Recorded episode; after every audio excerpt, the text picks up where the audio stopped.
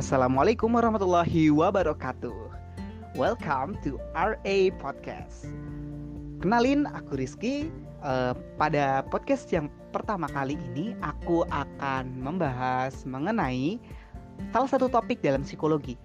Ayo, ada yang tahu belum? Ya, betul. Hari ini kita akan membahas mengenai social comparison dan bagaimana cara menyikapinya ala psikologi social comparison. Pasti kalau orang udah dengar kata ini pasti fokusnya ya pada perbandingan sosial. Bener banget. Tapi kalau didefinisikan secara rinci mungkin artinya adalah adaptasi sosial kognitif yang dilakukan seseorang dengan cara membandingkan dirinya dengan orang lain. Gitu. Jadi Social comparison ini pasti pernah dilakukan oleh semua orang di sepanjang masa hidupnya gitu. Jadi kalau ada orang bilang bahwa oh aku nggak pernah kok melakukan social comparison, it's jangan salah karena realitanya sendiri social comparison itu bisa terjadi secara sadar dan tidak sadar gitu. Jadi kemungkinan nih orang yang bilang gitu itu itu nggak sadar bahwa dia sebenarnya udah pernah melakukan social comparison karena pada dasarnya Secara alami manusia itu akan melakukan sebuah social comparison untuk melakukan upgrading upgrading diri gitu. Jadi untuk meningkatkan uh, apa ya, kapasitas diri gitu. Lalu setiap individu juga hakikatnya juga akan melakukan hal tersebut gitu. Jadi nggak mungkin nih semua uh, orang, beberapa orang itu nggak melakukan social comparison pasti pernah melakukan social comparison. Social comparison itu terbagi menjadi dua yang pertama itu upward social comparison, yang kedua itu backward social comparison. Kalau upward, upward itu lebih fokusnya pada ketika kita membandingkan diri, kita melihat bahwa orang lain itu lebih baik daripada kita. Sedangkan backward itu ketika kita membandingkan diri, kita menganggap bahwa orang lain itu tidak lebih baik dari kita. Gitu. Lalu dari kedua social comparison ini juga memiliki dampak-dampaknya tersendiri kalau upward itu ketika kita melakukannya dengan positif itu akan ada beberapa hal yang akan kita dapat. Pertama, akan menumbuhkan motivasi kita untuk terus berkembang. Terus menambah menambah apa ya? rasa ingin belajar gitu. Terus yang ketiga itu karena ingin belajar ya pasti banyak banget nih ingin taunya kayak apa ya yang kurang dari aku? Apa ya kelebihanku gitu? Kayak ingin tahulah apa yang belum dieksplor dari dirinya sendiri gitu. Lalu apa dampak negatifnya? Itu lebih merasakan bahwa insecure ya. Mungkin kalau sekarang tuh kayak apa ya banyak banget lah yang berbicara dengan insecure gitu. Salah satunya itu insecure gitu. Kita merasa bahwa kita nggak memiliki apa-apa gitu. Padahal kita sebagai manusia itu pasti memiliki kelebihan dan kekurangan gitu. Lalu untuk backward backward itu untuk positifnya itu akan pastinya menambah rasa percaya diri ya. Kayak oh aku punya kelebihan nih dibandingkan dengan dengan orang lain. Terus itu adalah muncul rasa empatik gitu. Kayak oh mungkin gitu ya perasaan ketika aku dulu merasa lebih rendah dari orang lain ya gitu. Jadi hal-hal yang kayak gitulah biasanya hal positif yang kita dapat ketika kita melakukan backward social comparison.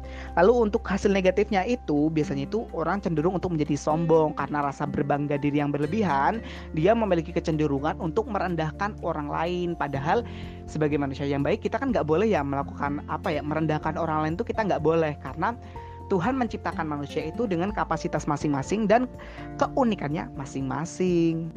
Nah, jadi dari kedua jenis itu nih kita dapat tahu nih bahwa social comparison itu dapat mempengaruhi rasa percaya diri, terus motivasi dalam diri, terus uh, dan sikap seseorang individu baik positif atau negatif gitu. Jadi ketika kita melakukan perbandingan sosial pasti uh, terhadap rasa percaya diri kayak itu tuh punya pengaruh gitu. Bagi uh, dan itu tuh tergantung bagaimana cara kita menyikapi, menyikapinya. Ketika positif pasti dampaknya positif tapi kalau negatif itu pasti dampaknya negatif juga. Nah tadi udah dijelasin nih apa itu social comparison terus itu apa jenisnya dari social comparison. Nah kali ini aku mau ngasih sedikit tips nih bagaimana cara menyikapi social comparison ala psikologi. Yang pertama yang pertama adalah mengenal diri dan self acceptance. Sebenarnya sebenarnya sih ya self acceptance ini bagian dari mengenal diri gitu. Jadi self acceptance adalah proses di mana ketika kita mulai berusaha untuk menerima apa kekurangan kita dan apa kelebihan kita gitu. Jadi biasanya orang kan lebih tahu kekurangannya, mereka nggak tahu kelebihannya. Nah itu merupakan ciri-ciri dari kondisi di mana mereka belum mengenal diri dan belum melakukan self acceptance. Jadi hal itu adalah yang paling utama uh, yang harus kita lakukan sebelum kita lanjut ke next stepnya gitu. Yang kedua adalah kita harus menemukan role model apa sih itu role model gitu kita harus menemukan lingkungan-lingkungan atau kelompok yang itu bisa menjadi patokan kita gitu jadi eh, baik enggaknya itu sesuai kadar kita lalu eh, lebih kepada bagaimana sih stereotip yang ada di kelompok tersebut gitu pasti kan setiap orang mengharapkan dia bergabung bergabung kepada kelompok yang memiliki stereotip yang baik di masyarakat gitu lalu yang ketiga adalah support circle. Nah, ini nih yang biasa paling penting banget sih menurutku pribadi juga. Support circle itu adalah kondisi di mana kita memiliki lingkungan baik keluarga, teman, sahabat, kekasih bahkan gitu itu adalah yang support gitu. Jadi bukan yang menjudge bahwa Allah kamu itu cuma bisa gitu doang. Allah kamu itu cuma segitulah nggak bisa kayak itu gitu. Nah, itu bukan support circle ya. Jadi support support circle itu lebih kepada berusaha mengoreksi apa yang sekiranya bisa dikoreksi dan membantu kita untuk terus berkembang sesuai dengan kapasitas yang kita miliki. Itu namanya support circle. Lalu yang ketiga itu menghindari friend enemies. Nah, ini nih juga paling penting. Biasanya itu dalam satu kelompok itu ada berus ada yang berusaha untuk menjadi yang paling dominan gitu. Nah, ketika dia apa ya, berusaha untuk menjadi dominan, dia itu lebih ke merendahkan orang lain gitu jadi berusaha kayak temannya itu ibaratkan kayak saingannya sendiri lah gitu. Jadi friend enemies itu lebih kepada kayak gimana caranya aku harus lebih baik dari temanku gitu. Nah itu kita itu harus kita hindari gitu.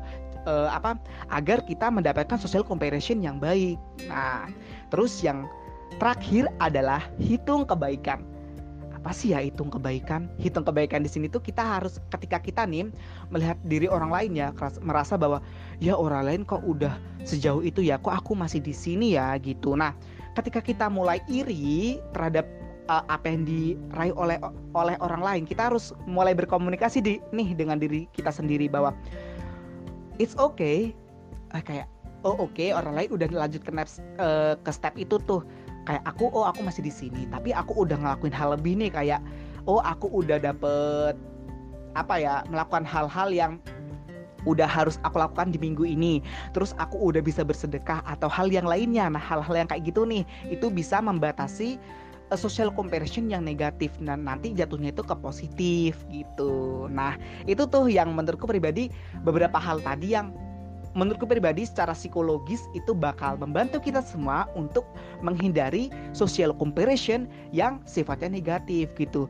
Terus pada intinya ya, social comparison itu boleh dilakukan asal harus sesuai dengan proporsinya. Karena dalam agama Islam pun itu dijelaskan bahwa segala sesuatu yang berlebihan itu nggak baik. Jadi bagaimana cara kita sebagai manusia yang baik agar mampu menjaga kesehatan mental kita, kita melakukan uh, segala sesuatunya itu nggak berlebihan, harus sesuai dengan kadarnya gitu. Jadi kurang lebih gitu ya. Uh, sekian dari aku pribadi, RA Podcast. Pamit undur diri. Wassalamualaikum warahmatullahi wabarakatuh.